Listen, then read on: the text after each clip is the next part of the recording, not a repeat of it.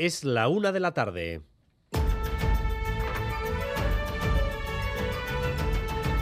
Crónica de Euskadi con Dani Álvarez. A Rachaldeón, el Tribunal Supremo intervendrá en el lío originado por la ley del solo sí es sí. En unas semanas, el Supremo prevé unificar una doctrina que evite el goteo de excarcelaciones y rebajas de condena que se está produciendo y que se van a producir. Porque una cosa ha dejado clara el Gobierno. La ley no se va a modificar.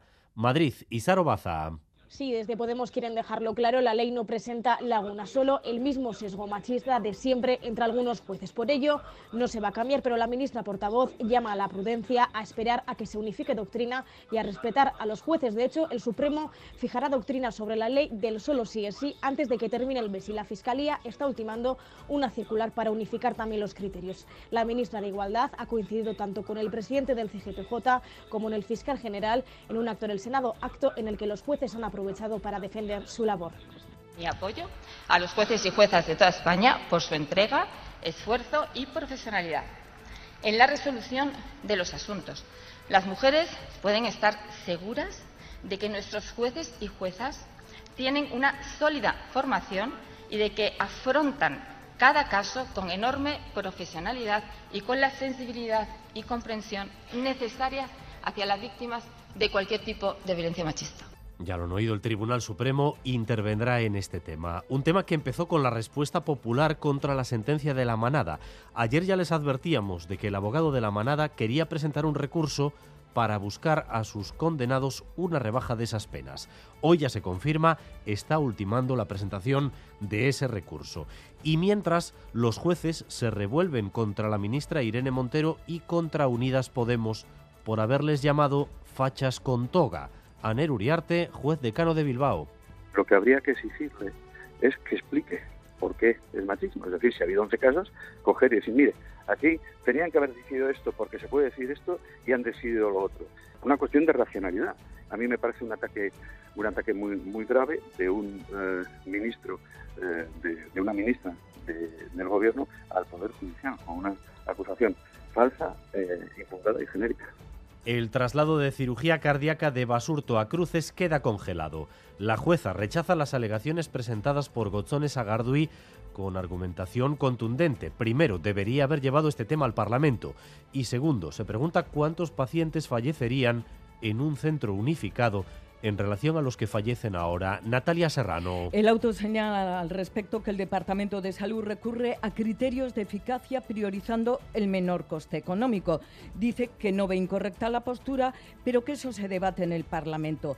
Debería ser allí, señala la jueza, donde se debata si se quiere el actual modelo de salud pública o un modelo mixto de salud privada y pública. Y con respecto al efecto que puede tener el cierre en los pacientes, el auto asegura que los riesgos de un traslado primero de un domicilio a Basurto y luego de Basurto a Cruces hará que se corra el riesgo de que se pierdan vidas. El tema queda ahora en suspenso hasta que se resuelva el fondo, que podría ser dentro de uno o dos años. Pero la consejera acaba de decir que ella no desiste del plan de unificación acatamos el auto o la decisión de la jueza, vamos a presentar nuestras eh, alegaciones o nuestro recurso al mismo y ahí será en el momento en el que nosotros manifestemos nuestra opinión respecto al contenido de esta sentencia.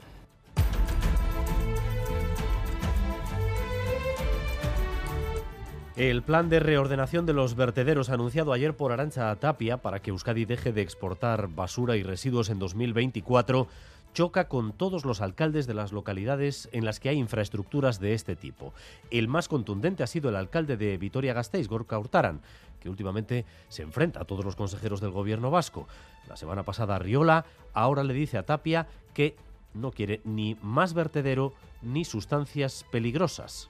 Tapia en Onda Vasca le replicaba, hay que ser solidarios y acoger amianto.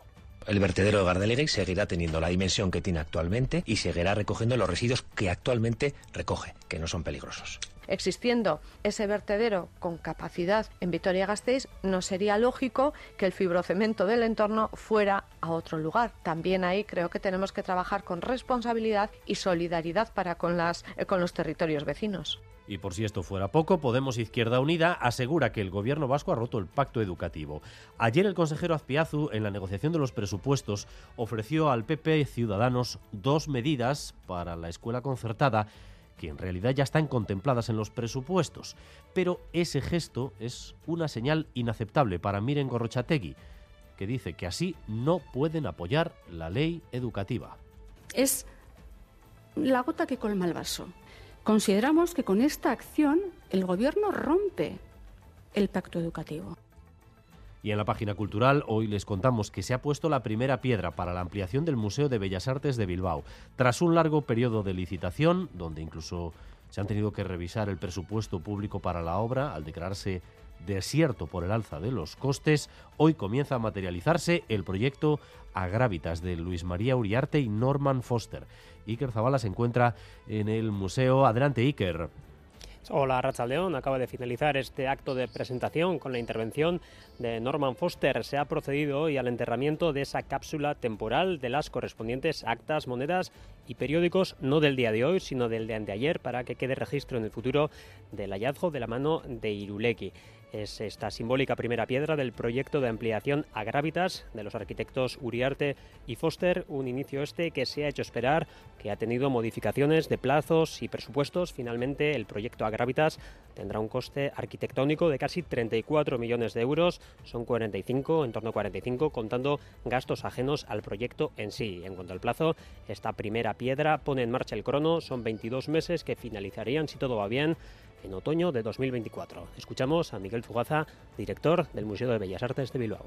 Tres años después, eh, pandemia mediante, tenemos que felicitarnos por ver eh, cómo comienza a hacerse realidad un gran proyecto de expansión para nuestro museo que permite mantener su esencial unidad en este singular espacio de la, de la ciudad, gracias a la colaboración entre el mejor talento local y universal esta mañana en el puerto de Pasaya, en concreto en Pasay Don un camión pequeño de recogida de basuras se ha caído al mar. ¿Qué ha pasado, Laida Basurto? Bueno, ha ocurrido a las nueve y media de la mañana en el muelle, en el polígono Navalalde, en un garaje municipal. Estaban pasando basura de este camión municipal a otro cuando de repente el camión pues, ha empezado a moverse y se ha caído al mar. Sin conductor, pero con basura que han recogido a lo largo de la mañana. El puerto de Pasaya ha activado el plan para minimizar la posible contaminación que pudiera generar el gasoil del vehículo. Han colocado incluso una barrera anticontaminante y procederán a retirar el vehículo mañana por la mañana.